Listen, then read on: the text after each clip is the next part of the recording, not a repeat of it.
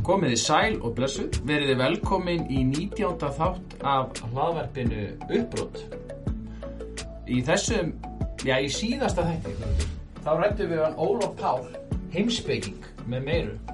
Og við létum aðeins reyna á þóliðmaðina hjá þessum ágæta manni.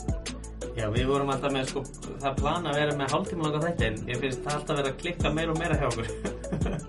það lengist alltaf og lengist því sem við getum ekki hægt að spjallaði fólk þegar við byrjum. Svo ég tala nú ekki um, við vorum líka ansi lengi að stilla okkar tæknilegu strengi. Já, reyndar. En þetta er miklu betra núna, þessu þætti. Miklu betra. Já. En Ólafur hann kom inn á marga mannlega, skemmtilega punkta í þessu spjalli okkar Guðmundur, og þetta virtist nú ekkit vera svo flókið. Nei, eins og heimsbyggingum einu með lagi þá tekst honum að láta þetta ljóma mjög einfalt eh, um eitthvað sem er mjög flókið og akkurat dögut. Eitthvað sem er mjög einfalt hljómar mjög flókið. En ég held sko að hann hafi komið inn á meitt margt í þættinum sem var svona eh, eitthvað sem er alveg auðvelt fyrir okkur venjulega fólkið á gólfinu kennarana að- að prófa. Og áhugavert að, að það er að nálgast heimsbyggina í öllum greinum í gegnum samræðuna og velta fyrir sér. En ég verða viðkynni, ég átti eftir að ræða við íslensku kennaran minn, teimiskennaran um aðferð heimsbyggin er að fallbi orðið kýr. Já, Ég veit ekki hvort þið náðu lendingu þar. þú, þú er ekki lagt í það ennþá að fara í þann, taka þann slag en, en það sem hefur áhægt við þetta hjá Ólafi var og, og er náttúrulega kannski tengist þættinum núna að það er mikill samhljómur í því sem að hann var að segja og því sem að eh, næstu viðmælundur okkar hafa fram að færa Já, þetta til dæmis að að vera ekki að flýta sér að læra. Að vera ekki að hraðsjóða þetta.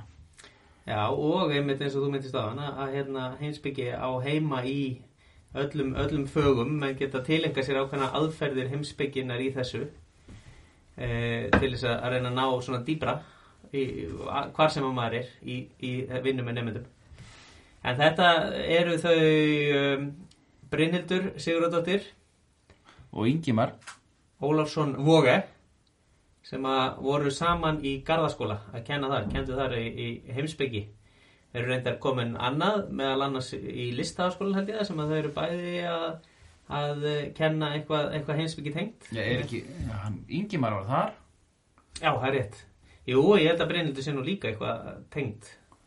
En hún Brynhildur á, á allan heiður af því að draga hann Ingimar úr, úr listinni yfir í heimsbyggilega vangaveltur Já, þetta var, þetta, og þetta var mjög skemmtilegt spjall. Það er hérna við tölum saman alveg heilengi og vorum á, á kannski á ekkert ósöpuðum stöðum eins og við sagðum aðan eins, eins og við vorum í spjallunar okkur Ólaf. En, en auðvitað kannski svona praktiskari pælingar líka því þau uh, voru í, í hvað á annan áratugu eitthvað að- garfa í þessu e, í garðaskóla. Búa til heimsbyggi e, nám með nefndum þar.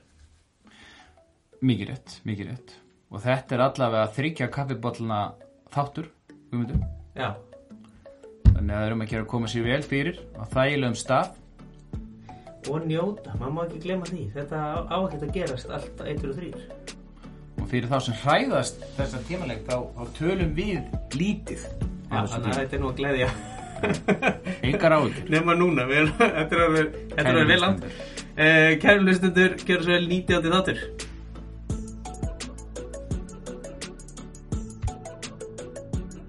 og við Guðmundur erum hér mættir með ágættis gesti og við ætlum að halda áfram að ræða um heimsbyggi í skólastofunni. Síðasta þætti rættu við Óla Pál og hann kom okkur að þessa stað.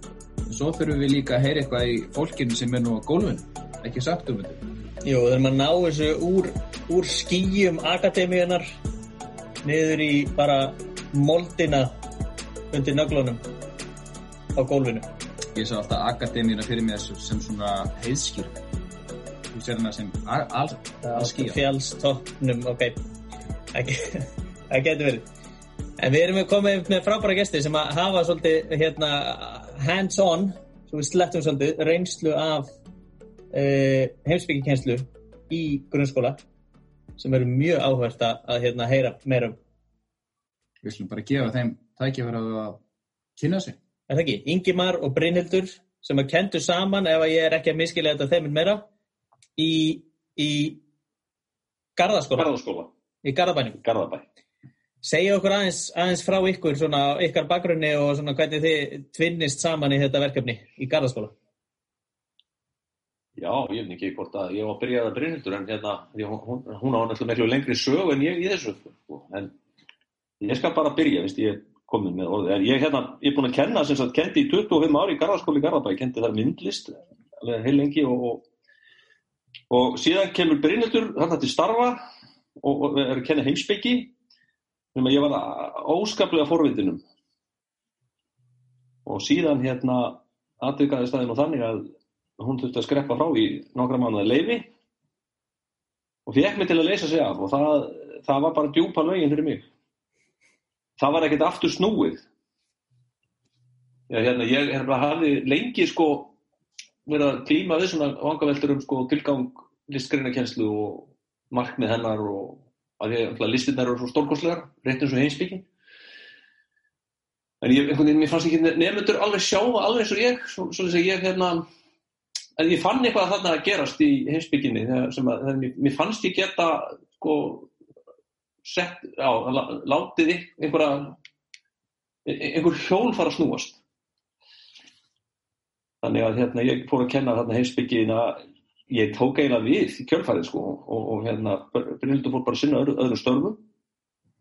Hún kannski segir bara frá því sjálf og eftir en hérna ég þetta leytið mig út í það að fara í meistranámi í heimsbyggjafélagsræði mentunar og, og, og, svo áfram í doktorsnám í, í mentavísundum og sem ég er enna brasa í og nú er ég komin upp í hérna listaháskóla og farin að kenna þar í kennsluréttindanáminu, listkennsludrild Þannig að mér líður stundum eins og ég sé bara rétt að byrja ferðina sko, þó að sko það séu nú alveg orðin 12 ár síðan þetta æfindir fór á stað sko.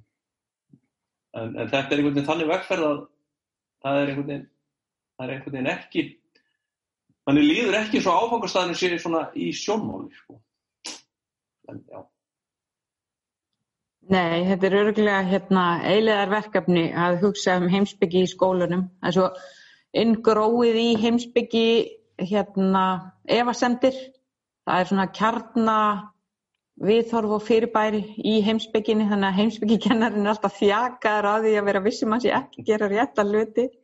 Það tekur svolítið á. Það er ótrúlegt að við sem búin að vera í 25 ári í þessu yngjumar.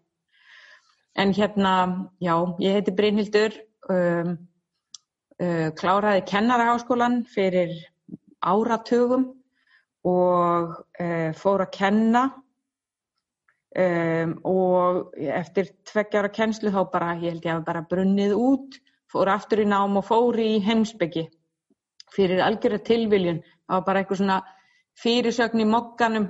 Ég var þarna um vorurinn rosa þreytt að vinna, búið að vera verkföll, þetta var þarna í kringum 95, búið að vera erfið verkföll og mikið að gera og þungir vetur og hérna ég var alveg búin á því. Kemur eitthvað svona fyrirsögn frá heimsbyggiskorinn að kynna sig að vori þegar nemar voru að einrita sig í háskólan á þeim tíma.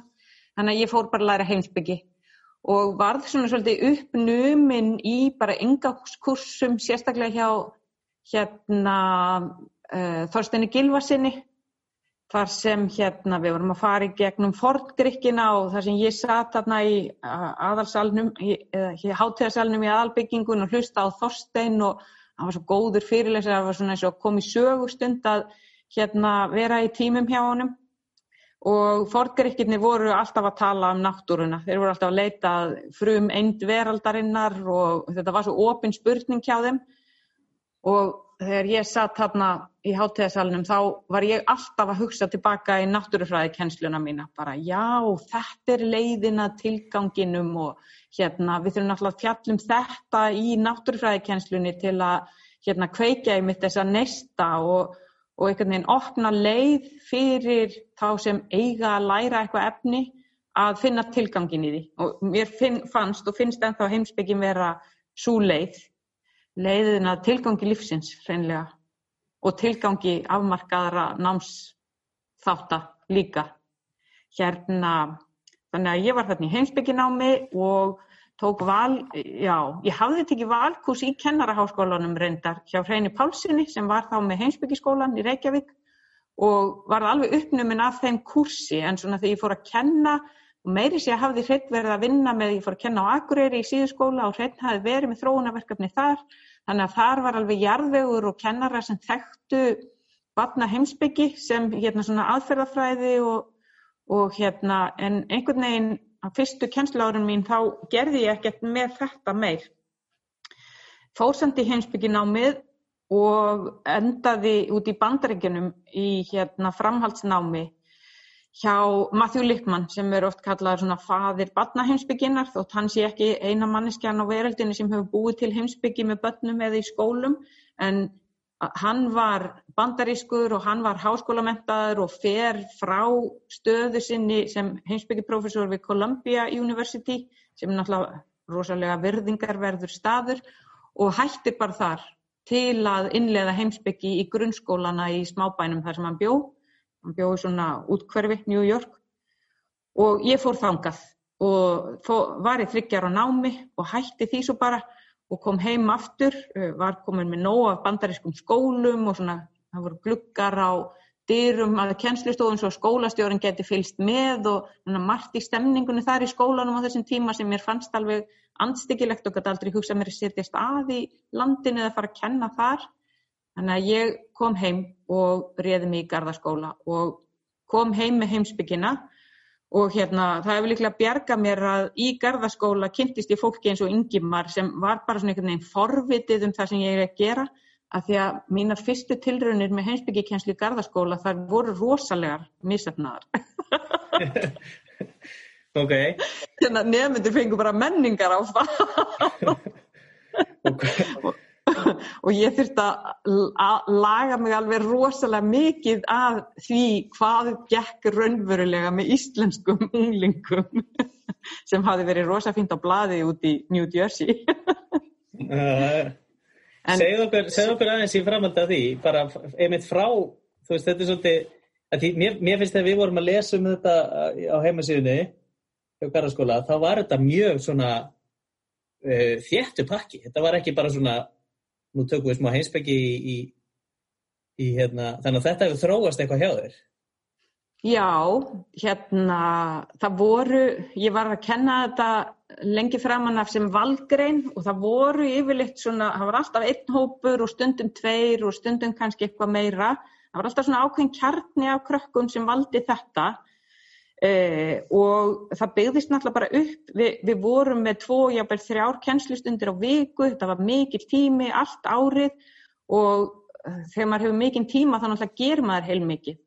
Og ég hérna var bara í því að finna efni sem náði til þeirra og finna aðferðir sem náði til þeirra hérna, ég byggði námskeiðu oft upp svona út frá einhverjum heimsbyggilegum grunni, við værum með fimm þemu sem tegðust yfir árið uh, og þemun tók ég úr svona skiptingu heimsbygginar í undirgreinar, raukfræði, siðfræði, fagurfræði og frumsbyggi eitthvað svona. Uh, og svo bara smám saman var til mjög mikið efni. Á þessum árum, þetta var þarna, við, þetta er rétt eftir aldamót, þetta er 2002 byrja ég í gardaskóla þá, mér fannst líka rosa spennandi að prófa að nota netið í vinnu með nefndum, smám saman af því að þessu virkni nefnda er svo ólík í hérna samræðu. Og þegar maður er með svona stórt verkefni sem er bara í samræðu þá verður svo spennand að sjá hvernig það þróast. Þannig að krakkarnir sem tala lengi vel ekki neitt og sumir meiri sé að eru þannig að maður sér ekki einu svona á líkamlega tungumálinu hvort þeir eru svofandi eða vakandi, hvort þeir eru inn í herbygginu. Eh, það er oft mjög erfitt að sjá það en mm. ég fór hérna í svona tilrönir með hvernig verkefni þau voru að vinna uh, og það, ég man á þessum tíma þá sett ég svona wiki-síður. Ég googlaði þetta um daginn, þetta er ekki til lengur. Það var, ég gæti búið til wiki-síður, þetta voru litla blogg-síður. Uh, Wikispaces. Wikispaces, já. já. Hérna, og fór að gera tilraunin með að þau skrifuðu, við, það var kannski einhver samræði kennslustund og svo skrifuðu þau einhverja niðurstöðu inn á vikisíðuna og það gott að þau fengi viðbröð frá öðrum nefndum. Þetta var mjög hérna, brautriðenda Framúrstefnulegt, árdögum internet. Mjög framúrstefnulegt og núna bara personum vend búin að banna þetta allt saman. En þegar við gerðum þetta svona, þannig að hérna, þau fengu líka tækifæri til að skrifa, það skipti þau rosa miklu máli. Bæði þá sá maður virkni hjá krökkum sem maður sá ekki virkni hjá í samræðu stundunum en hérna og krökkunum sjálfum fannst þau að vera að gera eitthvað. Af því að það var svona framan af vandamál fyrir heimsbyggina að hún þóttir rosa skemmtilega en ekki vera neitt. Og Mm. nefnendur svona bara gáfu þessu valfægi og, og kennslustundum þetta mat. Þetta er rosa gaman en við erum ekki að gera neitt og voru kannski komin á kafi einhverja pælingu og hún var svo mikil að þeir gátt ekki hægt þegar bjallan hringdi eða tími var búinn eða og samtali helt áfram alveg í fríminutunum og heim á kvöldin og hérna og það var mjög merkilegt. Þau, þau, það vantaði vinnubók og hérna eitthvað áþreifanlegt svo að krökkunum fyndist þau vera í námi. En hvernig gekk að fá þau til að taka þátt í umræðinni því að þetta getur stundur verið svona stórar og mikla spurningar. Ég held að fyrsti árin hafi mín þólinmæði og umbyrðarlindi fyrir þögn uh, skipt höfumáli.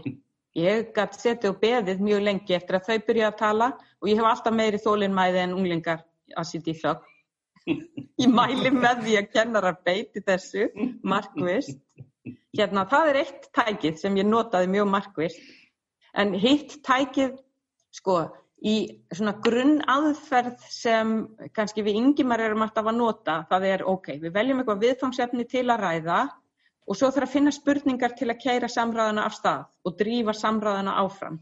Og hérna, mín hugssjón er alltaf að láta nefnendur spyrja og þegar þú komið spurningar frá þeim, þá eru þau forvitin um þær og það er drifkrafturinn í góðri samræði.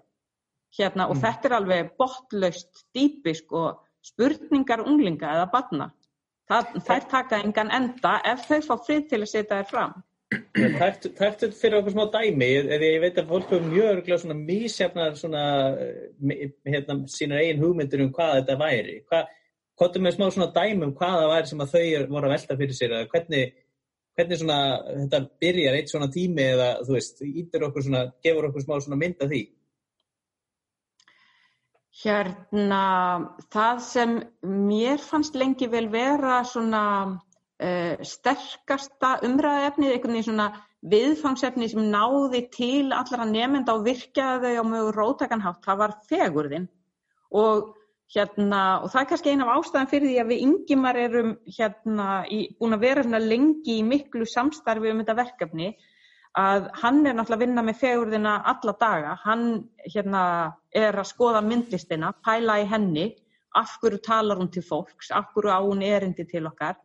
Og það er eitthvað við spurninguna hvað er fallegt sem talar alveg óbáslega sterkt til unglinga allavega, af því ég hef mest verið að vinna með unglingum og við gáttum byrjað uh, fagurfræði sem að með hérna því til dæmis bara heimsækja listasafn.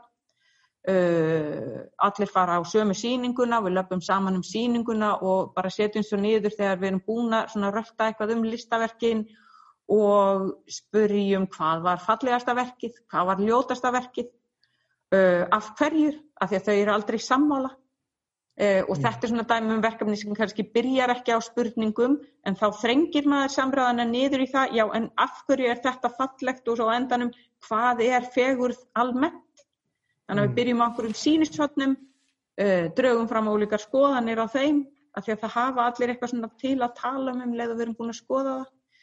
Uh, önnur kveikjað þau var að ég baði einhvern tíman hóp um að koma með eitthvað að heiman og koma með eitthvað sem þeim þætti fallegt, koma með það að heiman og kynna það í tíma. Og þetta var algjör upplifun þessi kennslustund, hún er gjörsamlega ógleymanleg að því að í 80 mínútur fóru við, þetta var ekki stór hópur, kannski 12 krakkar, í 80 mínútur sátu þau og síngdu hlutina sína og útskýrðu akkur þau hefðu komið með þá og allir hinn sátu andaktu í. Það var engin, það var ekkert nema skilirisleis hlustun og allir, hana, allir fyrsti tvöfaldi tímin var bara kveikjan, þetta komdu með hluta heim og segðu frá honum af því að frásagnir þeirra voru svo óbúslega, henni náðu svo óbúslega djúft í kvikum manneskjunar. Þarna var hérna pínulítið heimatilbúið jólakort sem einhver hafi fengið frá sískinni sínu og þótti svo væntum. Þarna var mynd af BMW, einhverjir nýjustu típu þá og hérna og drengurinn sem kom með þá mynd, hann bara lísti hérna ástriðið sinni fyrir þessum bíl. Mm. Eh, Einstúlkan kom með Bach, Jóhannes Sebastian Bach, spilaði brot úr verki eftir hann. Svo voru þetta bara alls konar svona hlutir og þeir voru svo personleir og það var svo þetta var hópur sem var ekkert sérstaklega samstæður, hann yfir veturinn lett hann oft í hérna árekstrum, þau, þau voru óanað með hvert annað og óanað með framvinduna og stundum fannst þeim við farum frætt og stundum á hægt og þessi var ekki, var ekki að taka tillit og það var svona gaggrinninn hópur á sjálfan sig. En hérna í þessari kennslustund var bara upplifun. Og svo tóku við hérna samræði út frá því. Af hverju skiptir það sem litla sýstir mín gefur mér, akkur skiptir það með máli.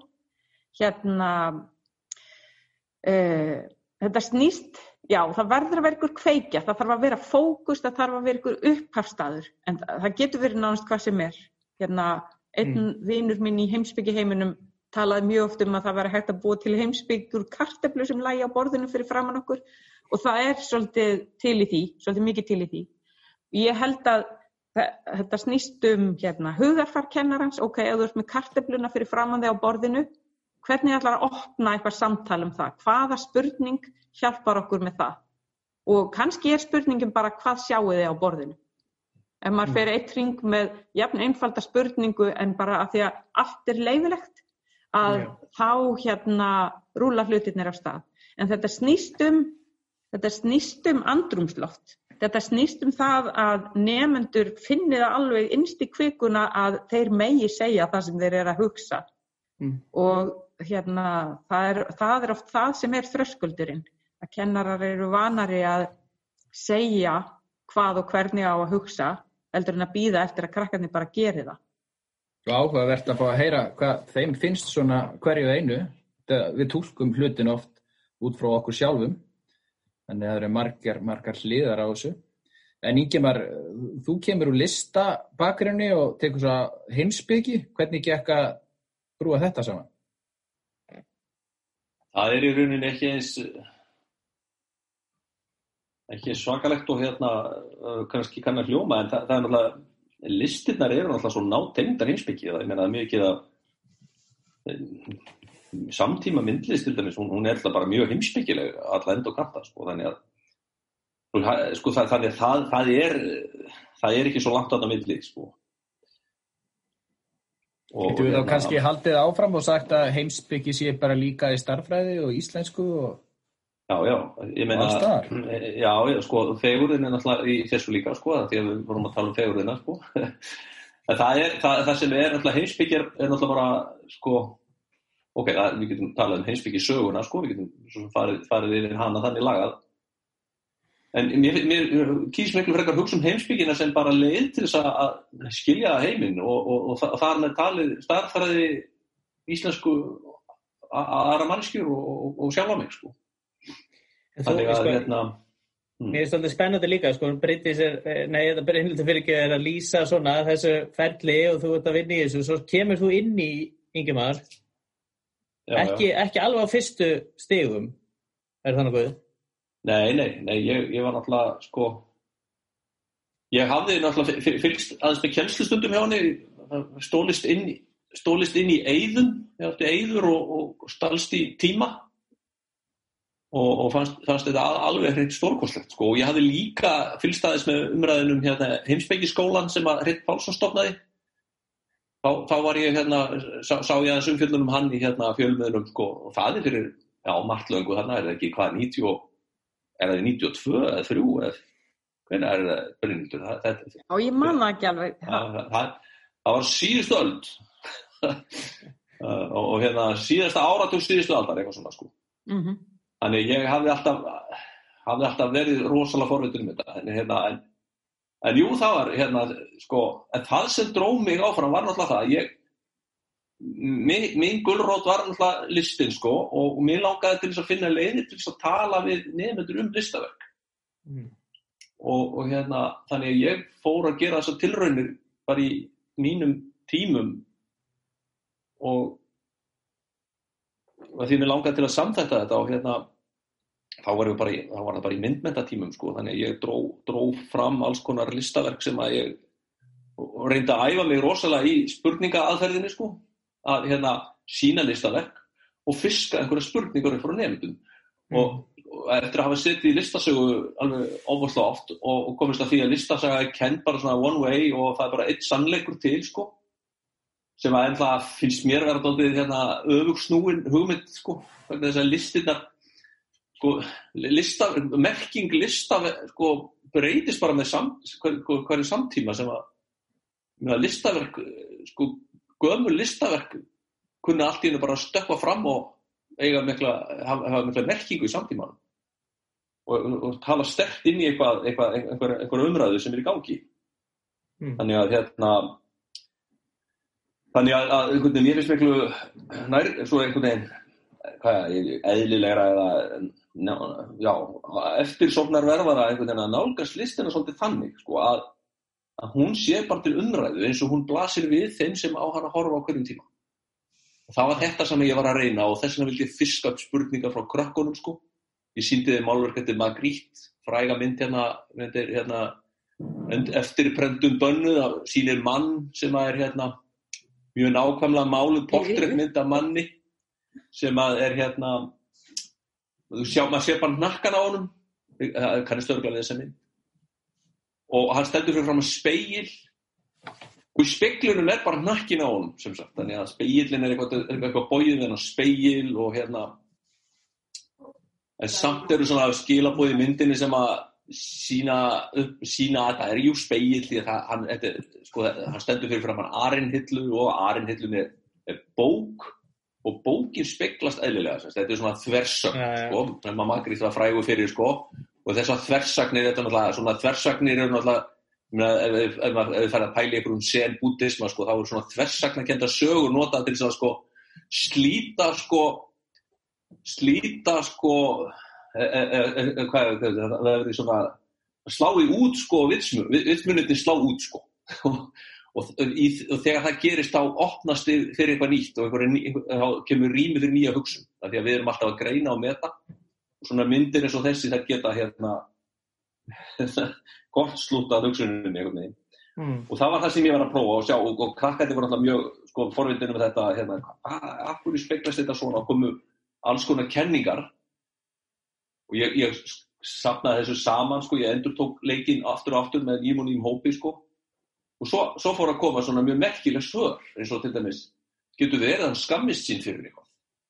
Já, já. og, og hérna og, og hann neytar að horfist í augu sannleikan svona hugmynd fór skjóta upp kollin og ég, þá hugsaði ég, já, heyrðu, þetta er eitthvað, að greinlega eitthvað þarna sem að hérna, þó að komi bara hjá einu eða tveimur nefndum í hópi þá er greinlega, þá er þessi sko samgagangur hann er til, hann, hann, hann, hann er möguleik og þetta fannst mér rosalega verðmætt og, og sá þá að hérna, það væri hægt að í rauninni sko, halda svona pælingum áfram. Mm. og, og fara svolítið á baku þetta og það sem me- meira er, ég held að skiptir miklu máli í þessu, að það sem gerist þarna er að ég veit ekki hvort það var sko bara skamhlaup í hugsuninni sko eða hvað en, en þau fór að hugsa rosalega djúft og það sem að mér fannst sko svo dásamlegt við þetta var að ég var ekki búin að sjá þetta fyrir sjálfur ég var ekki, ég hefði bara gaman þessumninni sko. En ég var ekki búin að sjá þessa tengingu við sko svona þetta, þú veist þetta, þetta, þessa, þennan mann og hann sem væri bara í einhverju flækjum sjálfa sig og svona ég það, það fannst mér, það fannst mér svo svo fallegt að hvernig, hvað ég, ég sá sjálfur hvað, hvað þau kendu mér. Já, en getur verið sko stundum hugsavæði, nú erum við til dæmis hér, hér í skólan hjá okkur leik og grunnskóli og við fáum að vinna náttúrulega með leikskólabötnum og, og svona. Og stundum finnst manni eins og þetta fr- frjálsa þessi frjálsa hugsun sé jafnvel meiri oft þar sko, að það er að segja og, og, og svo einhvern veginn svona kennum við þetta úr þeim eftir þessi líður á. Já, já, ég meina, ég, ég held að Já. það sé nú kannski, já, sko, krakkar, þú gengur krakkar komin í, áttunda grunnskóla, til hvers þau ætla staðin og þau vilja náttúrulega ekkert frekar heldur en að uppfylla kröfunar sem eru gerða til þeirra. Og, og ef, ef, að- ef að kröfunar eru þær að þú svarir rétt, spurning, öllum spurningur rétt náttúrulega leggur þið fram við það. Og þess vegna, er það sem að sko, verður, getur þetta verið áskorun að mæta ópi nefnda sem að er ekki vöndi að hugsa sjálf einhvern veginn. Mm. en, en hérna, Mér finnst ég, ég þetta hef ekki að vera Já, mér finnst þetta líka vera bara sambarilegt við til dæmis að því að þið hafi verið að tala um útikenslu í þátturum ykkar akkur er ekkert mál að fara út með leikskólaböð það telst sjálfsagt að hverjum einasta degi en svo þegar þið eru komin inn í grunnskólan þá breytist eitthvað í móttökunni og daglegum takti þannig að það þarf að fara að hugsa um það sérstaklega hvernig komum við þeim út? Hérna þetta er eitthvað sem grunnskólinn þarf að skoða og er að skoða hjá sér. Ég bara alls konar verkefni sem er í gangi um allt Ísland og allan hérna svona vestræna skólaheimin um að opna skólan svolítið og gefa nefendunum eignarhald á honum, aðild að ákvarðanatöku og hvernig reyðminn er í deginum og svona. Þetta bara, þetta skiptir alveg ofbáslega miklu máli til að námið sé merking, merkingabært og hérna það á að vera markmið nummer eitt í skóla að námið að það að koma í skólan sé merkingabært og að nefnendur sko takið það inn í kvikun á sér og gerið það sínu verkefni. Mér finnst einmitt gott dæmi þegar hún nefnir með málverki og þau eru að túlka það að ef til vill hefur áherslan svolítið verið á að, að kenna einhvern einn sannleika eða eitthvað svoleiðis sem þau litast eftir að læra eh, og við kannski missum sjónar á því að grípa þessi tækifæri? Þau sjá eitthvað át um málverkinu elda það svolítið. Hvaða, hvaða lærdóm eru þau að draga þessu? Hann er ef til vill ekki sá sami lærdómur ég ætla að kenna en samt er þetta eitthvað sem að nefnandin er, er að læra þarna og er ekkit síður áhugavert. Nei, þetta, að sjálfsögðu ekki, að sjálfsögðu þetta gríðarlega mikilvægt sjónarhótt sem kemur fram á nefndum, gagvart svona hlutum vegna þess að þau koma til skjálana með sinna einn reynsluheim, sína einn sín og við gleymum, við gleymum því alltaf, við sem kennum, við gleymum alltaf þessum sko, því sem er bakvið sko, bakvið hérna framliðina, það reynsla þessar krakka og bara saga þeirra einhvern veginn, hún, hún er alltaf engin með sömu sögu og öll koma til skjálana með einhverja þekkingu. Og það er þú veist, að geta fengið að hérna, fá, fá kynast henni einhvern veginn en, en sko, en að því þú nefnir þetta með sko, þekkinguna sem er viðkjæmt eins og til dæmis hefur týðkast mjög eins og í listasögu og í mörgu öðru þá, þá, þá, einhvern veginn þá, þá finnst manni umræðan alltaf fara þannig að, að þetta sé svona annarkvort eða sko, eins og Djúi talaði mikið um að annarkvort er það bara við sjónarnefndana sem að ráða eða þá er það sko, sko, formlegi sannleikur sko, viðkendi sem að ræðu sko. en, en, það fagra í þessu er einhvern veginn að, að, að, að einmitt, það, það er, ein, er sagt takt að bera á borð einhvern sem við getum kallað viðkenda sannleik eins og kakart listinni sko, og taka það til skoðunar sko, sem er bara eitt af verkefnunum fattiði, ein, eina hliðin á þessu. Og, og hérna, og þetta er kannski eitt af því sem að ég held að ja, við valdi því að kennarar í grunnskólum hafa verið svona eru ofta að kenna sína námskreinar þeir eru það hrættir við að koma ekki námsefninu til skila eins og það á að byrta sko, og, og svona og það, það sé svona þessi annarkort eða hugsun og, hérna, og, og þess vegna verðist aldrei skapast rými ég, við, við Brynhildur erum búin að stand, stóðum í þessu brasið í garðaskóla ég veit ekki hvað mörg ár og innleitum þróunarverkefni og ég veit ekki hvað hvað með þáttökum fjölmargra frábæra samkennara í garðaskóla og fullt af mjög áhuga sem fólki. Þannig að, þannig að þegar fólk fór að sjá hérna einmitt mögulegan á því að, að flétta þessu sama bara við sína venjulegu kennslu sko, sem að ég hefði haldið líka væri sko, einhvern veginn, það eðlilegast í þessu að heimsbyggi kennsla væri bara hluti af öllu hinn, það væri ekki svona tekinn fyrir ramma. Nei, núna erum við heimsbyggi og núna erum við í stæðfræði að læra margkvöldun. Eitthvað, þið skiljið. Mér finnst þetta mjög, mjög áhugavert líka sko, að því að stundum veldur mann einmitt akkurat þessu fyrir sér alveg eins og við getum sagt kannski um útikennsluna eða í rauninni ótrúlega margt listgreinar í rauninni bara þú veist, á þetta að vera sér eða á þetta að vera uh, hluti af eins og þú veist að lýsa því þú veist, þetta er bara flæða í gegnum allt nám Uh, hvernig látum við það þá gerast? Ég meina, það er ekkit, það er ekki allir kennarar heimspekingar eða, eða þú veist, getum við gert þetta svo leiðis? Já, mér finnst þetta snúast um hérna bara viðhorf og vinnubröð kennara og hérna við, sko, starfsfólk í skólum og skólakerfið allt gerir mjög ákveðnar kröfur til þess hvernig viðhorf og vinnubröð eiga kennarar að hafa. Það, það er bara til svona einhver kannski óskrifuð en samt ótrúlega skýr lýsing á hvernig á grunnskólakennari að hugsa, hvernig á leikskólakennari að hugsa og það er til dæmis munur á þessum tveimur. Þeir eru ekki að hugsa eins. Ég er svolítið dæmigert. Held að það sé ekki gott. Ég held að hérna, við megum taka leikskólana mjög til fyrirmyndar með margt. Hvað var það svona viðhorf? Hérna, og vegna þess hvernig grunnskólar eru settir upp, það eru tilturlega fáir starfsmenn á marga nefendur og ég til dæmis finn það í vetur, ég, hérna, ég er bara svo gæfisum að vera með lítinn hóp, ég er einhvern veginn alltaf að vinna með frekar lítlum hópum og það breytur öllu, þá verður miklu þægilegra að taka samtal að heyra spurningar nefnda inn sem verkefni að þegar maður bara hreinlega hefur tíma til að heyra spurningar hjá þeim öllum sem um leið og hópurinn fyrir við bara ákveðina stærð, þá er það miklu erfiðara. Og þá er miklu erfiðar að skapa á jafnvægi á milli þeirra sem eru fljótir að svara og vilja tala mikið og þeirra sem fara ekki hratt af stað, sem hlusta rosalega lengi áður en þeir segja neitt og hérna eru jáfnvel bara feimnir eða einhvern veginn hafa þannig sjálfsmynd að þeim finnst þeir ekkert hafa um hlutin að segja. Hérna, mm.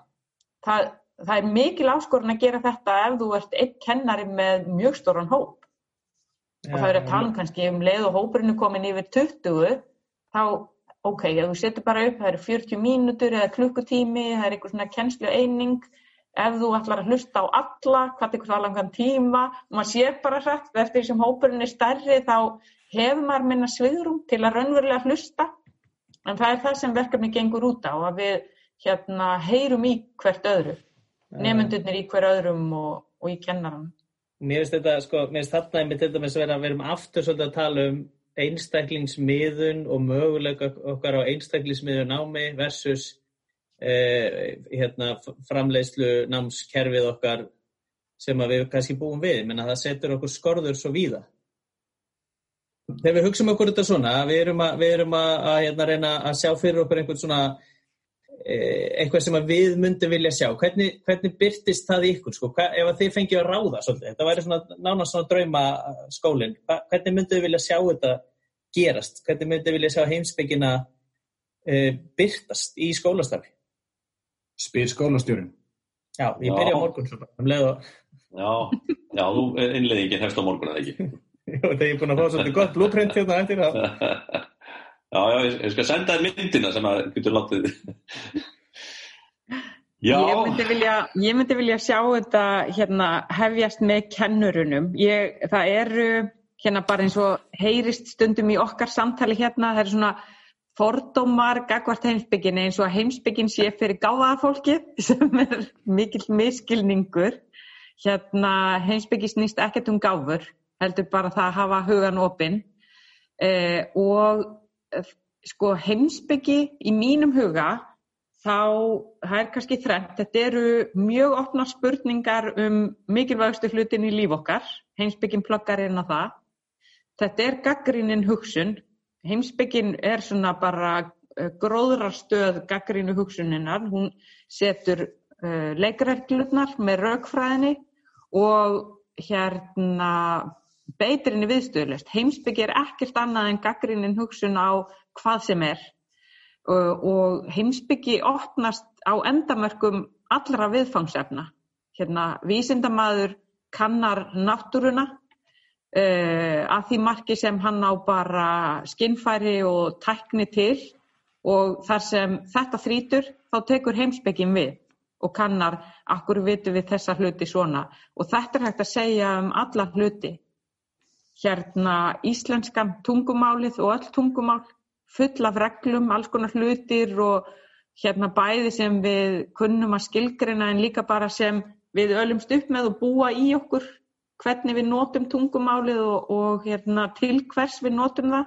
En þú tekur heimsbyggin inn bara um leið og einhver spyr hérna, akkur er þáfallsíki, þú veist, akkur kallar þetta þáfallsíki er Mm. það vond eða gott? Og spyrð það svona raunverulega opinhátt og bara leifir þér að efast um að þótt einhver kalli mér hlakkar til þáfallsíki að þá sé það eitthvað hérna siðfyrirlegt brot eða ég er ekki, ég hef enga trú á því að það sé stór hættilegt um, En hvað með hérna, er, er námsefni skerð sem stýður kennslu að heimsbyggi? Er mikið til af efni, útgefnu? Það er alveg slatti til af efni og námsgagna, nei, námsgagnastofnun, mentamálastofnun hefur gefið út, það er til dæmis bókin á MMS sem heitir 68 æfingar í heimsbyggi eftir Jóhann Björnsson sem er bara mjög víða notuð í alls konar samhengi. Hérna af því að þar eru lagðar fram spurningar sem kennari getur bara tengt við, já einmitt, við erum á þessu sviði og, og æfingarnar svona svolítið hjálpa kennaranum að setja þá viðfángsefnið í svolítið opnara samhengi og, og, hérna, og það verður þá mjög auðveldlega heimsbyggilegt. Hérna, þetta snýst um kennarana miklu meiri en nefndurna. Hérna, um leið og kennarin opnar á, þetta er svona opnar á ákveðna gáttir, hlustar á það sem nefndur er að segja, hérna sem skiptir náttúrulega öllu máli í einstaklingsmiðun. Um, að hérna þá getur heimsbyggi orðið til nánast sjálfkrafa, það þarf og að líti til, annað en að hlusta og vera viljugur að spyrja af hverju, hérna vera viljugur til að taka svona svolítið gaggrina eða skapandi afstöðu á viðfángsefnin, en hérna það er bara margt í bakurinn í kennara sem hérna hleypir þeim ekkit endilega í þessa átt með viðhorfin sín og vinnubröðin hérna, þótt við erum með góða námskara núna, það er margt mjög gott í henni og gefur kennurum frelsi til að vera alls konar. En hérna oft hefur námskaran verið miklu svona rígbundnar í ákveðin efnisatriði og Mhm. það hamlar Eh, fjöldi hefni viðmiða í þessari námskrá líka hamlar að hérna það er svo auðvelt fyrir kennaran og ég upplifði þetta mjög stert í mínu starfi þegar ég er að koma aftur inn í kennslu eftir margra ára fjárveru að hérna viðmiðin, þau eru svona einhvern veginn út um allt og það talað um að nefndur ég að vera góður í að raukstuðja í tölu og skriflegu máli, það talað um þetta út um allt en akkur er þetta ekki bara svona grunnur, líkilhæfni hérna og þegar þú horfir á líkilhæfnina í námskaránni þá, ég myndi vilja hafa bara hana og hérna Sleppa rest bara. Já, sammála. og að því að mér finnst það, sko líkilhæfnin stýrir okkur í það að vera rannsakandi í skólanum, vera með opin huga, beita áhuga okkar, eh, hérna, en bæði sko nýta áhuga sviðin okkar og það er að tala um okkar nefnda, en hérna líka að reyna á sig, að taka áskorunum og vinna úr þeim. Og, og hérna um leið og þetta tekst þá vilja krakkar læra. Og það er svolítið Ok. að gefa þeim frið til að læra og mér finnst heimsbyggin vera tækifæri til þess. Já, hún já. skapar þann vettvang. Þú verður sjálfur að ákveða hvað þér finnst aðtiklisvert og hvað þér finnst skipta máli. Og, og þá, þá spyr maður sko, ef við segja engi maður, ef, að- ef, að- ef að byrja, er þetta bara spurningum að breyta einhverju í kennarraminu eða þurfum við bara að hræra eitthvað aðeins í þessu og Já, sko að maður getur nú bjargað þessu bara, sjáðu. Það, að ég er nú að kenna í kennarnámi og hérna bóða þetta fagnaður er þetta alveg hægri vinstri og, og ég er vel tekið þá hérna sko ég, ég sko það er lí, sko það er auðvitað það, er, sko, maður kennararnir sko fólk sem metta sig til kennslu það gengur sko ég, ég held að sé svona ákveðin sko þekkingafræðilegur vandi þarna ferðinni sem tengist í sko bara hvað, hvað erum við að kenna? Erum við að kenna námsgreinar og bækur eða erum við að kenna börnum eða ske- sjáðu til hvert Mm. er markmiðið í rauninni er, er markmiðið í, er, er landafræðin markmiðið í sjálfur sér eða er nefandinn markmiðið í sjálfur sér, sko, sem, sko og, og, og, ef við getum ef okkur tækist að hugsa um landafræðina eða stærðfræðina sem einhvern svona leið eða tæki til þess að komast einhvern veginn lengra í því að bara metta mannesku þá yrði þetta örgulega frekar auðvelt allt saman því að þá getum við skoða þessa hluti með opnum huga í staðin fyrir að hugsa um þetta sem einhvers konar, einhvers konar fasta. Það er alltof, finnst mér alltof mikið hugsað um námskreina sem einhvers konar fasta.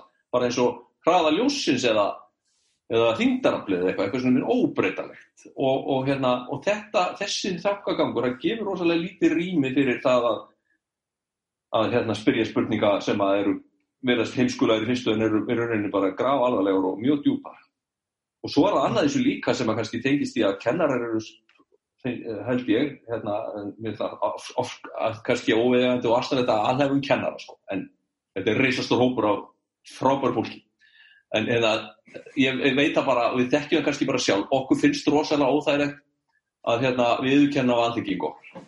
Að viðkenna fyrir okkur sjálfum og öðrum að það eitthvað sem við vitum ekki En það er eitt af þessu stóru skrefunum í heimsbyggilegri hugsun er náttúrulega bara að viðkenna vanþekkingu sína sko. Og hérna, kennslan og skólastarfið, skó, námsefnið, fyrirkomulega námsmat og annað, gefur rosalega rými fyrir þetta, þessa hugsun. Mm. Að, að, að, að kennurum finnst þetta þurfa líka að hafa svörun við öll og kunna allt og vita allt. Kennurum finnst þetta mjög óþægilegt að segja bara, ég veit, veit það bara ekki þegar spurt þetta eitthvað.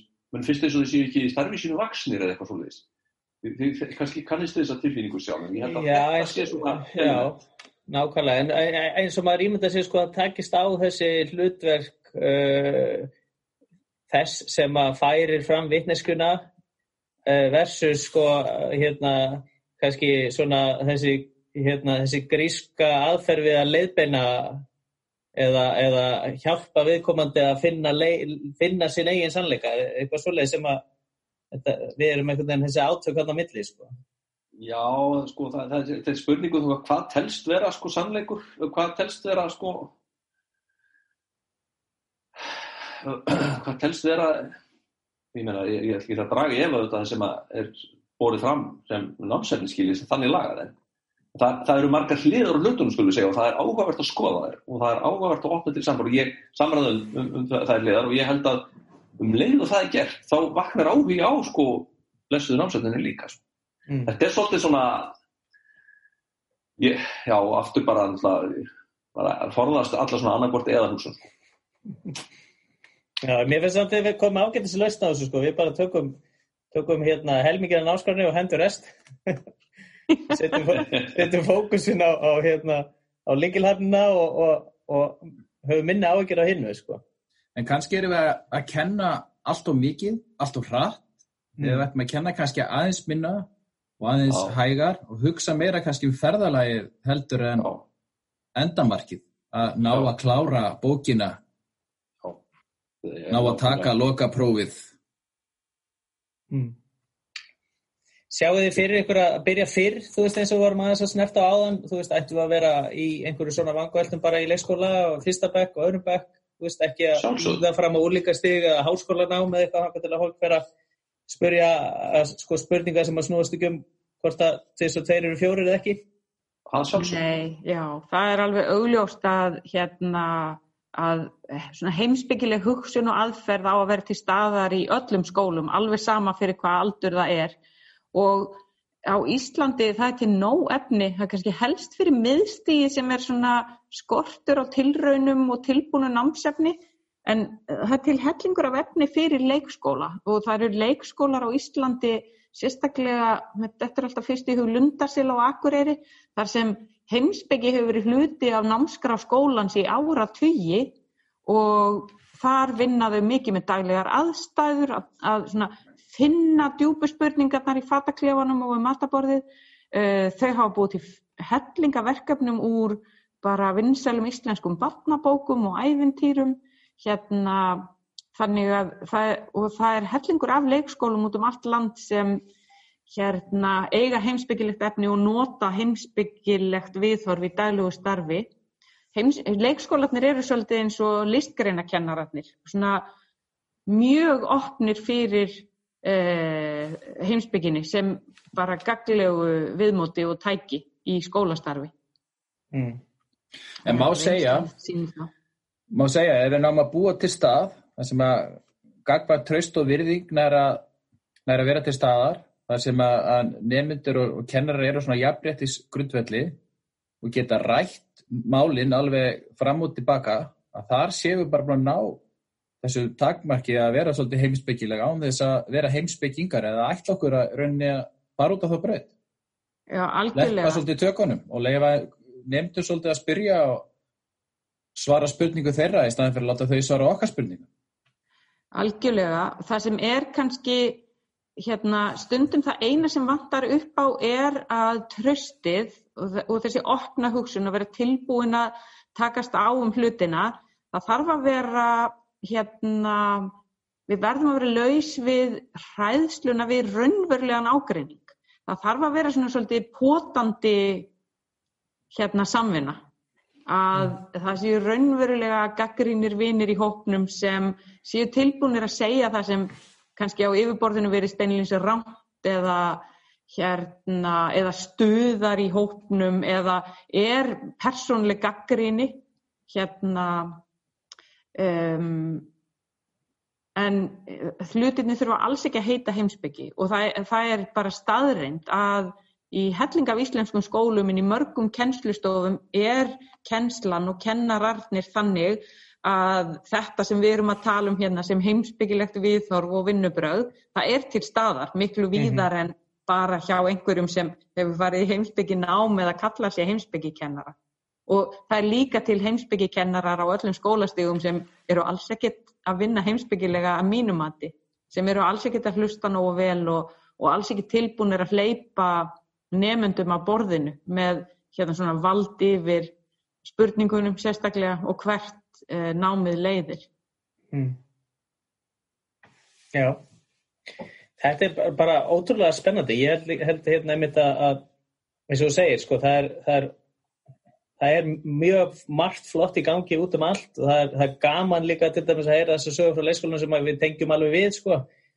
Uh, og kannski þarf líka stundu grunnskólinn að vera minna hrættur við að líta til leikskólans í, í alls konar, alls konar hérna hlutum og þessum ekkert síður.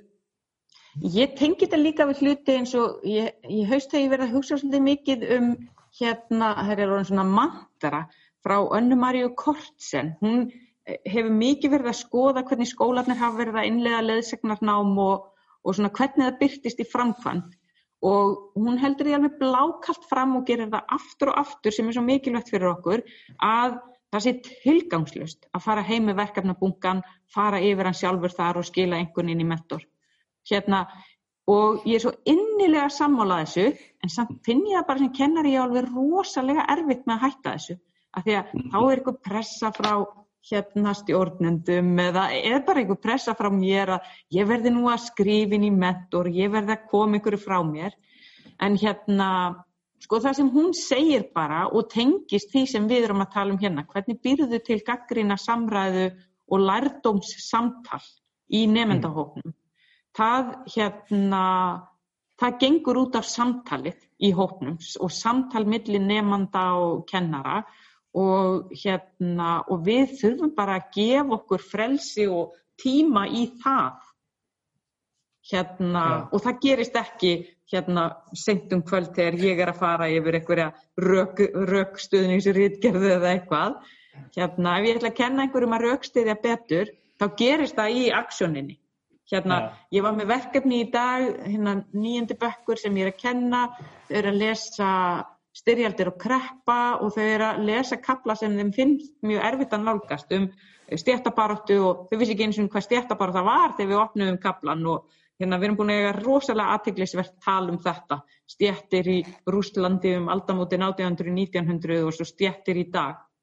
En hérna í dag var verkefnið þeirra bara hópurum var skipt í tvent aðrir voru fylgjendur kommunisma og hinnir voru mótmælendur kommunisma og hérna þau fengur svona undirbúningstíma fyrir málfund og meðan þau eru að undirbúa sig og ég er svona hlera bara hvernig hérna náðu í einhverjum tengslum og náðu að koma niður einhverjum svona rökum fyrir afstöðu hópsins, hérna þá var ég að segja hluti eins og þið eruð ekki kommunistar, þið eruð að tala fyrir kommunisma, þau eru ekki kapitalistar, þau bara hafa þá skoðun að kommunismi sé uh, léleg hugmyndafræði. Þannig að bara þetta til dæmis aftengja, þú ert ekki að ráðast á manneskjuna, þú ert að ráðast á rökin. Hérna, og þetta er ekkert að gera hvaða námskrein sem er og, og hérna, maður sér þessi tækifæri úr svona umræðu mjög víða í samfélagsgreinastofunum. Mm. Uh, málið er að það má bara gera þetta í hérna, íslensku starfræði og dönskunni líka. Hérna meira en bara eins og í tungumálunum. Uh, ég byrjaði skólaárið, ég er að kenna íslensku, ég byrjaði skólaárið bara að kasta einn opni spurningunni hvað er tungumál, hvað ættu að vera að læra, eh, hvenar er það skemmtilegt og hvenar er það leiðilegt, þetta var svona spurningarna sem rúluði upp hjá krökkunum, mm. mikil umræðum stafsetningu og stafsetningarkennslu sem þykir mjög leiðileg hjá mínum nefndum, allavega eins og staðan var þarna í ágúst, en einhvern veginn það að opna árið á þessari opnu umræðu, ég held að hafi haft hérna svona grundvallar áhrif á það að okkur gengur vel með vinnuna. Við erum ekki búin að gera við erum ekki búin að gera eitt einasta málfræði verkefni í allt auður og svo skammast ég mig fyrir það en þau eru að nota tungumáli og gera það sínu. Hérna og mér finnst að vera svona einhvern veginn minn heimsbyggilegi þakkagangur sem hjálpar mér að kenna þannig En hérna... sem að kannski kjarnar svolítið þessu umræðu að sko, þau, þau noti það sem þau eru að læra og geri það að sínu. Hlýtur einhvern veginn ofta að verða mikilvægara heldur en nákvæmlega hvort þau ná að læra tíu atriðið eða tólf. Mm -hmm. Ég held það. Þú gerir þessi atriðið sem þau læra að sínu sko. Já. Það sé, það sé málið sko Algjörlega. Já. En spurning hvort að við um að, um að enda þetta hér, ég held að við séum, við erum komin, komin, í, komin í góða lengta á þessu hjá okkur og við erum búin að fara yfir viðan völd svolítið held ég, ég meina við erum Já. búin að hérna, held ég ná ágæðlega utanum þetta en, og ef maður á einhvern veginn svona að draga saman að þetta sé, að þetta sé eitthvað sem við viljum sjá og sérstaklega í, inn í öllu, inn í öllu náminu, ekki bara sem, sem þó að það sé þetta mjög spennandi að hafa þetta sem sér fag. Það sé rými fyrir samtali. Já. Já, ég meina þetta er auðvitað bara þetta er náttúrulega auðvitað bara einhver ákveðin svona kemslufræðileg hugsun sko. Mm. Bara, eða bara, já, bara viðhorf sko, grundallega viðhorf til lífsins og mentunar og svona sem að sko sem að hérna, þetta snýst um það og kannski eins og Bryndur segir, bara, bara nafnið heimsbyggi færir frá en hérna ást á viskunni verður kannski hérna visku ást, það er ekki hérna rétt að þýðingum grísku Bryndur mm. þessi miklu bara hérna bara, eða, eða bara, ég getum kallað kannski eða já, jújú, bara ást á viskunni, það er bara fínt sko. þá allt í hennu er þetta ekkert lengur, eh, hvað þá er engin fílabinsturð lengur til og heldur við bara ja. þrá okkar allra á að hérna, læra meira og skilja meira sko. ja, hver, getur, verður, hver segist ekki vilja að vera þar? Verður aðgengi læra fyrir vikið fyrir okkur öll? Já, einhvern veginn sko. Mér finnst einhvern veginn mér finnst stundum verða sko, gaggrinni bara það orð í íslensku og fyrir íslenska kennara mér, ég fæ ofta óbúslega neikvað viðbröð á það. Hérna mm við þurfum ekki alltaf að vera gaggrína hérna, það verður nú að hlusta á alla skoðanir, ég er alveg sammálaði að það verður að hlusta á alla skoðanir, en það er ekki þar með sagt að alla skoðanir séu jafn góðar eða, eða eigi jafn mikið erindi. Og mm. hérna, ég veit ekki hvort það er svona í íslensku þjóðarsálinni að við erum en þá bara mjög hrætt við hérna raunverulegan ágræning og tókstreitu. Mér finnst mm. vera merki í ungu fólki, Íslendingar, kannski hérna, bara til að slumpa eitthvað, 15-30 ára Íslendingar, ég sé, þegar maður sér þá í fjölmiðlum, þau eru að berjast fyrir einhverju, þar sér maður örla á einhverju sem bara mín kynnslóð fyrir 30 árum hefði aldrei þórað að gera. Ég, var, ég er ekki að fara mótmæl einhverju nýri í bæi eða ég er ekki að fara að tala við fréttamenn eða eitthvað, svona hafa sterkar umdelanlega skoðanir. Þetta mm. hefur verið mjög langt frá svona íslensku þjóðarskálinni. Við höfum hérna alveg uppið það, mótt okkur alls ekki og svona alveg svolítið uppið að kannski að láta lítið á okkur bera og það verður ákveðin hindrun fyrir heimsbyggina því að hún er frek og ákveðin og er alltaf að stinga okkur, hún er alltaf að stinga í skoðanir okkar og það er óþægilegt og hérna ég, sko, í, þegar ég var í heimsbyggikennaran út í bandaríkunum þá var ég í stöðugri baráttu við sjálfa mig að þessi orðræða og þetta sjálfstal bara ekki taka þetta nærrið þér. Hérna, fljóttu aðeins með þessu. Þú þarft ekki alltaf að hafa loka svarið hérna, þetta snýst ekki um þig þetta snýst um hugmyndirnar. Og það var rosalega góður skóli að fá mm. svona ákveði æðruleysi, þú veist maður lendir í því á kennarafundið eitthvað að enginn skilur mig allir eru ósamála mér, eitthvað svo les maður er bara þóla það. Það er bara þannig, við erum ólík hérna uh, en heimsbygginn tekur okkur þangað. Og ég held að við höfum þólumæði fyrir þessu og, en, og það er erfitt og við verðum að segja okkur, jú, þú verður að þólita aðeins lengur, hérna, þú kemst ekki alltaf að, þú hefur ekki alltaf rétt fyrir þér, hérna, að ef maður leifir því svolítið að þroskast með sjálfum sér, og þá er ég að tala til kennara, leifið mm. ykkur að hérna, þóla það að aðri séu ósamarleikur, að því hafið ekki alltaf rétt fyrir ykkur og bara þessi stemning að hérna, það er bara fyrir mann sem mannesku mjög þroskandi. Ég held að gera okkur betri kennara. Hérna, það er ekki bara, sko, ég læri ótal margt af nefndu mínum með því að hlusta á þá, mm. en ég læri líka ótal margt um það sem ég þarf að gera fyrir nefndur mína, taland um einstaklingsmiðunina, með því að hlusta á þá. Já. Hérna, og þetta er Mér finnst, að, mér finnst heimsbyggi, þetta heimsbyggilega viðþorf, mér finnst að hjálpa mér með þetta, að hafa þólinnmæði fyrir nefndum mínum og svona sjá í gegnum grímurnar þeirra.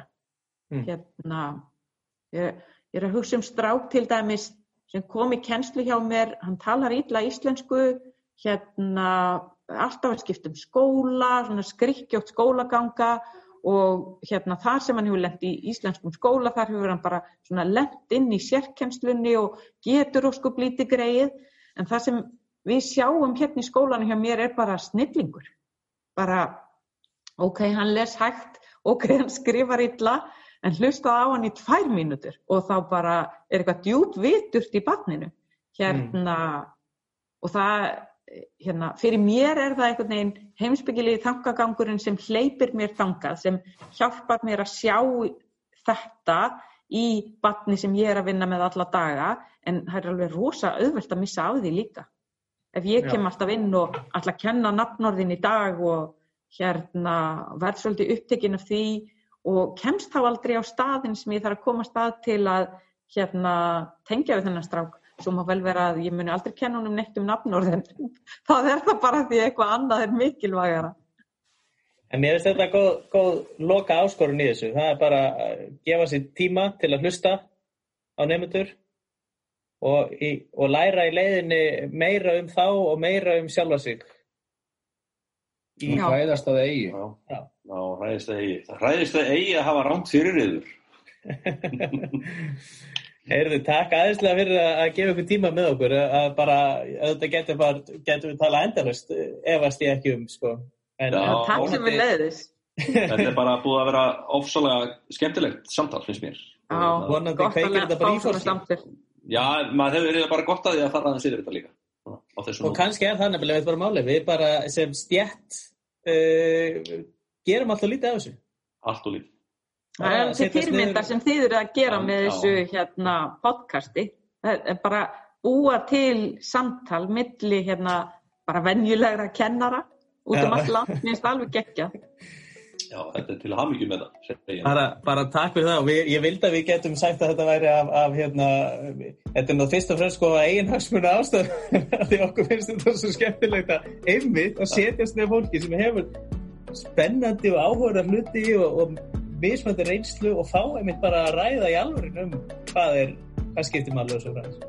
Þannig að vorandi hafa aðri gaman að því og við. Samanlega. Takk kærlega fyrir og, og bara það til næst. Segjum það, bless bless. Takk, bless bless.